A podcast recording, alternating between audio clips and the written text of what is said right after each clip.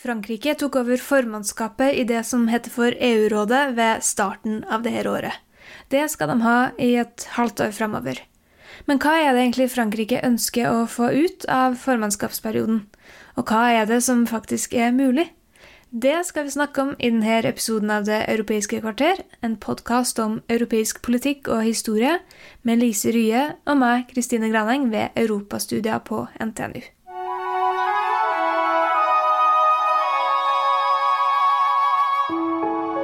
Jeg mener vi sikrer Norges interesser best ved å gå inn i EF. L'Europe ne se fera pas d'un coup, ni dans une construction d'ensemble. Das beste Mittel, um eine Politik zu treiben, die sich auf Vertrauen gründet. Dette er ikke noe vanlig samarbeid mellom selvstendige nasjoner. Dette er en sterk og dyp integrasjon. No, no,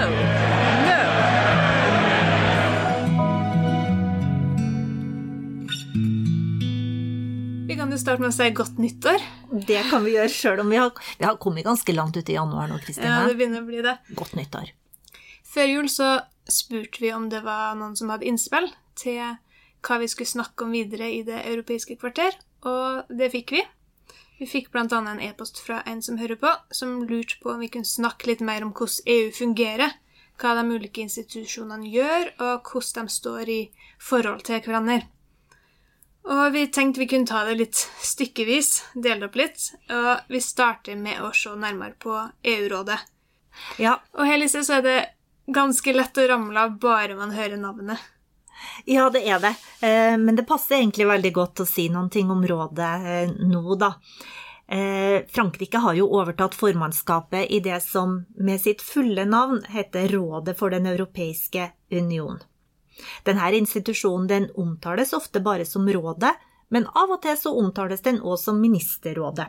Og sjøl syns jeg det er det beste navnet fordi det er mest beskrivende. Det er jo ministre som møtes i det her rådet. Ikke sant. Eh, Men her har vi altså for det første et barn med mange navn. Og samtidig finnes det også en annen EU-institusjon, eh, Det europeiske råd, som rådet ikke må forveksles med. Og der, der er det jo statsoverhodene som møtes. Ja. Regjeringssjefene. Er Og jeg har en huskeregel, fordi det starter jo med det. Det føles litt sånn mer formelt og grandiøst, kanskje. Så det, det er iallfall sånn at jeg husker på at det, det er det som er Det europeiske råd. Ja, da fungerer det for deg, Kristine. Møtes. Jeg syns det er greit å tenke på eh, Det europeiske råd som et slags eh, styre for EU. Men i dag så er det altså rådet vi skal snakke om, og det må heller ikke forveksles med Europarådet, som ikke har noe med EU å gjøre, og som, som jo er et mye større og mellomstatlig samarbeid. Eh, Europarådet holdt til i Strasbourg, og mange vil sikkert huske at det ble leda av Torbjørn Jagland i en tiårsperiode frem til 2019, tror jeg. Men Rådet for den europeiske union, eller Rådet, da, det er en av de opprinnelige EU-institusjonene. Det er altså en del av den opprinnelige institusjonelle arkitekturen som EU har holdt seg med nå i 70 år. Og i rådet så møter ministre fra medlemslandene, og hvilken minister som møter, det avhenger av hvilket tema som står på dagsordenen. For det møter i ulike sammensetninger eller konstellasjoner avhengig av hvilket tema eh, de skal behandle. Altså hvis det er utenrikspolitikk, møtes utenriksministrene. Hvis det er justis og innenriks, så møter justisministrene osv. Og da må vi nevne, Kristine, at når eh, Justis- og innenriksrådet kommer sammen, så kan også Norge delta. Eh, Og at vi kan det, er en del av Schengen-samarbeidet som vi har med EU. Rådet har flere oppgaver i EU-systemet. Det har utøvende makt. Eh, Det er også EUs viktigste lovgiver. I de aller fleste tilfellene så er det sånn at Rådet og Europaparlamentet forhandler fram og vedtar lovgivning i fellesskap. Men i utenriks- og sikkerhetspolitikken så er det Rådet alene som bestemmer. Eh, Forslagene til ny lovgivning er det kommisjonen som legger fram, men det må vi snakke om en annen gang. Det er også rådet som inngår EUs avtaler med tredjeland og med internasjonale organisasjoner, og så er det rådet som sammen med Europaparlamentet vedtar EU sitt budsjett. Og tanken bak dette systemet det er at ulike interesser skal være ivaretatt. For rådet det representerer, som vi skjønner, regjeringene i medlemslandene sine interesser. Men indirekte så representerer det jo òg velgerne som har stemt de her regjeringene inn i regjeringskontorene. Europaparlamentet, som velges direkte, det representerer innbyggerne, mens kommisjonen representerer unionen sine interesser. De her kommissærene de har det i sine stillingsbeskrivelser at de skal handle uavhengig av hjemlandets eh, interesser. Praksis så er det ikke alltid sånn, men det er noe sånn det er beskrevet i traktatene. Ja, og så er det sånn da, Kristine, at det rådet det har et roterende formannskap. Eh, Det betyr at ansvaret for å lede rådet det går på rundgang mellom medlemslandene. Medlemslandene har formannskapet for seks måneder av gangen, og nå er det altså Frankrike sin tur. Så i stedet for at en fast eh, representant som, som har det her over en lengre periode, så er det delt opp i kortere perioder, sånn at alle medlemslandene, både små og store, skal være representert på den måten. Akkurat sånn er det. Alle Og- har den samme eh, muligheten her. Og, og medlemslandene de er jo enige om en rekkefølge. Den ble bestemt for ganske lenge siden at Frankrike skulle sitte akkurat i denne perioden. Og du var jo litt inn på de ulike oppgavene som rådet har. Men formannskapet spesielt, de har jo ansvaret for at det skal fungere på en god måte. Så det er jo dem som representerer rådet eksternt når det skal gjøres. Og de leder arbeidet i rådet. De planlegger møter, setter og strukturerer dagsorden. Og de har også en veldig viktig rolle som forhandler, eh, både innad i, i rådet, men også med f.eks. Europaparlamentet. Og du var jo også Du snakka litt om de her ulike formasjonene på rådet, sånn at de er eh, Det er avhengig av hvordan saksfeltet er, hvem som møtes. Og oppgavene til formannskapet har blitt, de, de har blitt færre over tid. Og det handler jo om de her ulike eh, politiske områdene. Så for eksempel så når de diskuterer utenriks- og sikkerhetspolitikk i rådet, så er det ikke formannskapet, eh, men det er høyrepresentanten for utenriks- og sikkerhetspolitikk, altså en kommissær, som, som leder de møtene. Ja. Dette er et viktig poeng, fordi eh, det forteller oss jo at det betydninga av å ha formannskapet har blitt mindre eh, over tid. Fordi viktige konstellasjoner, sånn som eh, ja, Eurogruppen, eh, som jo egentlig ikke er en del av, eh, av rådet. Eh, men Eurogruppen og Rådet for utenrikssaker, som du nevnte, de har sin egen ledelse. Så det betyr at eh, det her formannskapet det har blitt litt ikke tappa for funksjoner, men formannskapets rolle har blitt mindre enn det den var før. Og da kommer vi jo inn på spørsmålet hvordan innflytelse har egentlig formannskapet? Hvilken betydning har det eh, at et land har, har formannskapet? Og det spørsmålet det er det mange som har stilt seg opp igjennom, om hvorvidt det er rom for enkeltland til å fremme egne interesser gjennom formannskapet, og, og også hvorvidt de faktisk gjør det. Og vi har jo pekt på en del begrensninger allerede. Og en del muligheter òg, vil jeg si. Ja, men Ja. hvis vi skal fremheve kanskje den mest eh, viktige begrensningen, så er det jo det at rådet ikke har forslagsrett. Det er det kommisjonen som har, som du nevnte. Formelt sett, ja. Men de her forslagene som kommisjonen legger fram, har jo ikke alltid sin opprinnelse i kommisjonen. Nei, det er et viktig poeng. Men så er det noen virkemidler som er veldig tydelige også, at formannskapet har. Og det handler jo om muligheten til å forme den politiske agendaen. Eh, Først og fremst å sette saker på dagsorden i EU, f.eks. sånn at det skal komme et forslag fra, fra kommisjonen etter hvert. Eh, For formannskapet de har jo mulighet til å strukturere diskusjonen. De kan eh, ikke i så stor grad bestemme hvilke saker som blir diskutert, men de kan iallfall ekskludere saker fra dagsordenen, skyve dem unna. Og så har de jo, som nevnt, en viktig rolle eh, i forhandlinger både internt og opp mot eh, Europaparlamentet. Eh, Så de kan jobbe for å få fortgang i prosesser med Europaparlamentet for å få gjennom en sak enda raskere. Mhm. Ja, nei, formannskapet har jo tradisjonelt blitt betrakta som en fordel for det landet som sitter med formannskapet, men jeg vil nok si at den fordelen har blitt mindre over tid, dels pga. det vi allerede har snakka om, at eh, viktige saksfelt ledes av, eh, av andre aktører. Eh, Eurogruppen har jo sin egen leder, som velges for to og et halvt år om gangen. Og som du sa, så har vi jo òg Høyrepresentanten. høyrepresentanten for utenriks- og sikkerhetspolitikk som, som leder Rådet for utenrikssaker. Og så er det jo også sånn at, at det er en del begrensninger på hvordan saker Eller i hvor stor grad de kan sette agendaen i formannskapet. Og en utvikling som har skjedd, det er jo det at, at man arbeider enda tettere med eh, dem som, det landet som har formannskapet før og etter. Ja. Man har eh, her, det her trioformannskapet, kan man- er det det man kaller det? Ja, jeg tror det. Ja, det betyr i hvert fall, som du sier, at man samarbeider med det for, formannskapet før og etter, i dette tilfellet Tsjekkia og Sverige. Og dette her, det er, jo, det er jo et uttrykk for at eh, man ønsker å minimere risiko, at man ønsker å gjøre utviklinga mindre avhengig av hvor driftig eller villig det enkelte mm. formannskapet er. Ja, mer forutsigbarhet, mer konsistens, mer sammenheng over tid, og det gir igjen mindre rom for det enkelte landet som sitter med formannskapet. Mm. Men tidligere også har det blitt vist av forskning på det at, at tidligere formannskap setter en del begrensninger fordi man arver på en måte dagsorden fra, fra dem som har vært før. Mhm. Men det er også en del andre begrensninger som kanskje ikke er like um, like um, Åpenbar, ja, like åpenbar.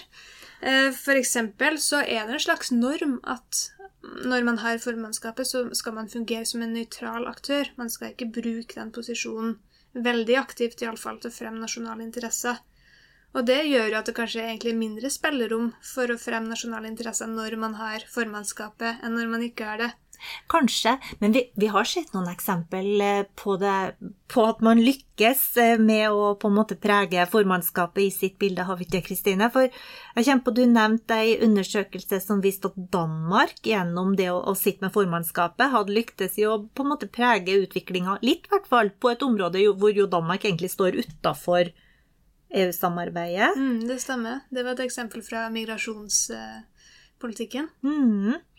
Og jeg så, et annet, jeg så en annen artikkel her forleden, vi kan legge ut lenke på Facebook-sida vår. Eh, Men det var en ganske ny undersøkelse som eh, kom fram til at man så variasjoner mellom hvilke saker medlemsland fremma når de satt med formannskapet. Og én ting man så, var at søreuropeiske medlemsland de hadde en tydeligere eller sterkere tendens til å legge vekt på regionalpolitikk og sosialpolitikk, mens medlemsland i nord og i vest var mer opptatt av sånn liberale og postmaterialistiske verdier og, og politikk, om du vil. Mm, det er interessant. En annen ting som er mer åpenbart, da, tenker jeg, det er at eh, man er jo også avhengig av hva som skjer utafor EU eh, når man eh, har formannskapet. Det er i veldig stor grad eksterne forhold som setter dagsorden. Og det har vi jo særlig sett de siste årene med pandemien. Man eh, Arbeidet i EU har jo vært veldig prega av at man har måttet takle eh, denne krisa. Ja. Det må vi vel absolutt kunne kalle et noen ytre sjokk. Mhm. Så hvorfor er det interessant å snakke om det franske formannskapet? Hvorfor er det spesielt interessant? Vi har jo ikke snakka så mye om den forrige. Av flere grunner, tenker jeg. Altså, dels er jo Frankrike et viktig land i EU-sammenheng, har alltid vært det, har alltid ønska å være det. Eh, For det andre så er det jo ei interessant tid. Det er stor splittelse innad i EU på flere punkter. Man har eh, Hva blir det for noe nå? Man har en eh, snart 10-15 år bak seg med suksessive og delvis overlappende kriser som har ramma unionen hardt. Eh, Og det blir spennende å se hva det franske formannskapet kan få til i en sånn setting. Macron er jo veldig ambisiøs på europapolitisk ambisiøs, må vi kunne si. Han er kanskje den tydeligste nasjonale politikeren, sånn som jeg oppfatter det, eh, på, som, som fronter et så EU-vennlig synspunkt. Det er ikke mange som eh, ligner på Macron der i, i dagens Europa. Eh, Nei, det er ikke det. Og han tar jo et rom der som var out for grabs, kan du, kan du si. Frankrike har jo lagt fram et program som heter Recovery, Strength and a Sense of Belonging. Og eh, ja, gjenreisning når det gjelder økonomisk gjenreisning, eller økonomisk vekst, da, om du vil, så kan det jo se ut som om eh, EU-landene nå er i ferd med å hente seg inn etter pandemien, sjøl om det er litt vanskelig å si hva som er et resultat av sånne ulike stimuleringspakker og, og, og ikke. Men, eh, men EU forventer fortsatt økonomisk vekst, og det vil jo, det vil jo gjøre eh, Macron sin eh, ambisjon enklere å realisere. Jeg tror ikke det blir enkelt, men eh, det vil hjelpe på. Um, Det er jo den europeiske suvereniteten som er sentral for liksom alle, alle temaene Macron reiser i, i prioriteringene til Frankrike her. Ja, du kan godt si at det er en sånn overordna ambisjon at Europa skal eh, være mindre avhengig av andre, og dermed mindre sårbar, da. Men det er jo ikke en ny ambisjon for EU, det, liksom. Nei, absolutt ikke, men, men før vi snakker om det, så må vi si, fordi at husker du, Kristine, før jul så snakka vi om den norske ambis ambisjonen om en sånn her eh, norsk verdikjede for batterier. EU har jo en akkurat lik ambisjon om en europeisk verdikjede, og det er jo fordi de ønsker å gjøre seg mindre avhengig av Asia. Men, eh, men ja eller nei, det er ikke noen ny fransk ambisjon, det her. Det er en melodi vi har hørt veldig mange ganger før, og først og fremst eh, for en del år tilbake, når Charles de Gaulle var president i Frankrike. Det var han fra 1958 til 1969, og han kom støtt og stadig på kant med de andre landene i EU, og også med USA, i sin kamp for fransk suverenitet, for fransk storhet og for europeisk uavhengighet eh, fra USA. Det er jo ikke en ny tone fra Macron heller. Det her har jo vært viktig gjennom hele presidentperioden hans. For eksempel så la han fram et initiativ helt i starten av presidentperioden sin for et suverent, forent og demokratisk Europa. Og der er det jo mye som er gjenkjennelig i dag. Men det har kanskje fått mer konkret innhold. eh, Med, og tyngde, ikke minst, med pandemien og en del andre saker som har dukka opp de siste årene. Eksempel, sånn som du nevner, det økonomiske og industrielle. At man ønsker å være mer, mer sjølforsynt i Europa med viktige teknologiske ting. Som batterier, mikroskipper Ja, nei, det er ikke, det er ikke noe nytt. Det er et tema som, eh, som Macron har løfta og forfulgt i flere, flere år. Um, det er det absolutt. Eh, Man har i det hele tatt en rekke planer for hvordan unionen skal bli sterkere, mer uavhengig, grønnere, mer re- rettferdig osv. Eh, Samtidig så er det jo sånn at EU også i mindre krevende tider enn nå alltid har slitt med å skape en sånn følelse av tilhørighet til unionen, og det tror jeg nok fortsatt vil være tilfellet. For vi har jo sett òg i året som har gått, at det er stort strekk i laget. De regjeringene som eh, leder EU-landet i dag, de har nokså forskjellige oppfatninger av hvordan de verdiene som EU bygger på, og som Macron har eh, sagt at EU skal forsvare, eh, hvordan de skal forstås og praktiseres. Og vi har også sett at EU-land nekter å rette seg etter EU-domstolens kjennelser, og at de dermed utfordrer essensen i EU-samarbeidet, nemlig det at det er et rettsfellesskap, og nå snakker jeg om Polen. Jeg syns det, det er eh, ganske interessant, fordi vi har jo snakka om en del av de sakene som, eh, som Frankrike løfter frem, som de vil få gjennomført i løpet av perioden sin allerede. F.eks. minstelønnssaken, som vi snakka om i episoden, siste episoden før jul. Og det er jo en utfordring for Frankrike å få, få til intern enighet i rådet om de her sakene når de skal forhandles med, med, med Europaparlamentet. Og jeg las i Politico sitt nyhetsbrev fra Brussel om, om eh, hvordan man forsøker å møte det rettsstatsproblematikken med Polen. Og det jeg las der, var at eh, Polen truer med å blokkere vedtak i rådet som svar på det trykket de får mot seg eh, for å følge opp rettsstatsprinsipper. Så det er en veldig krevende problemstilling for, for Frankrike å, å skulle liksom eh, manøvrere i. Ja, det er ingen tvil om at det blir vanskelig. Det er jo en helt ny situasjon, det her, at du har land som eh, ønsker noe annet, men som ikke tar det som for noen, for meg i hvert fall, ville ha vært den logiske konsekvensen av det å gå ut av samarbeidet, mm. men ønsker å tvinge fram endringer fra innsida og på, ja, hva skal jeg si, udemokratisk vis. Så det er en del Det er flere ting man må ta hensyn til når man skal prøve å få Eh, gjennomført de prioriteringene Frankrike har, har, sagt at de har. Og, det er jo også veldig mange av de mange saker som er, er oppe nå. Blant annet så er også regulering og ansvarliggjøring av de store teknologiselskapene, de digitale plattformene, en sak som blir veldig viktig utover våren. Mm, og det er jo et tema som vi kommer tilbake til mm. i en uh, senere episode. Ja. Mm. Eh, og forsvar er også et stort tema. Det har det jo vært Frankrike har jo vært veldig for mer forsvarssamarbeid i Europa eh, en god stund nå. Ja, og samtidig så har du jo den situasjonen som eh, vi står i nå, med Ukraina, og ja Som igjen kan føres tilbake til avtalen mm. mellom EU og Ukraina som, som Russland reagerer på. Så Nei, det er, det er, Vi har mye foran oss. Mm, det er mye spennende som skjer, og det blir veldig spennende å se hva Frankrike faktisk kan få ut av denne perioden. For eh, en ting vi ikke har nevnt, er jo at eh, det skal være et presidentvalg eh, i løpet av, av, perioden, allerede i april. Så det er ikke mange måneder Macron har på seg til å få, få gjort, gjennomført, Eh, det programmet?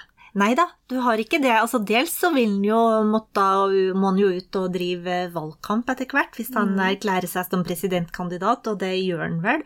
Og dels så kan du jo se for deg en situasjon hvor det velges en annen eh, president eh, som eh, ja, før det her formannskapet er over. Jeg syns det er veldig interessant det samspillet mellom den europeiske politikken og den nasjonale politikken. For vi har jo snakka en del om det her tidligere også, at det er veldig sjeldent at europapolitikken er viktig ved nasjonale valg. Ja. Og her har vi et eksempel på at det er noen som absolutt prøver å gjøre det til eh, en viktig del av valgkampen. Det er det. Så får vi se hvor godt det vil eh, slå an. Um, jeg så ei undersøkelse eh, nylig, det var vel fra Eurobarometer, som viser at EUs innbyggere de identifiserer seg aller først og fremst med sin familie. Og så er det langt flere, 73% for å være veldig presis, som identifiserer seg med sin nasjon eller sitt hjemland. Mens det er 56% som identifiserer seg med det å være europeisk. Det er et gjennomsnitt for EU. I Frankrike er andelen som identifiserer seg med det å være europeisk, mye lavere. Den er bare 40% så det er ikke gitt, tenker jeg, at europeisk lederskap er et vinnerkort for Macron. Det kan òg være noe som gjør at flere i Frankrike vil eh, oppfatte den som en del av en elite langt bort fra folk flest.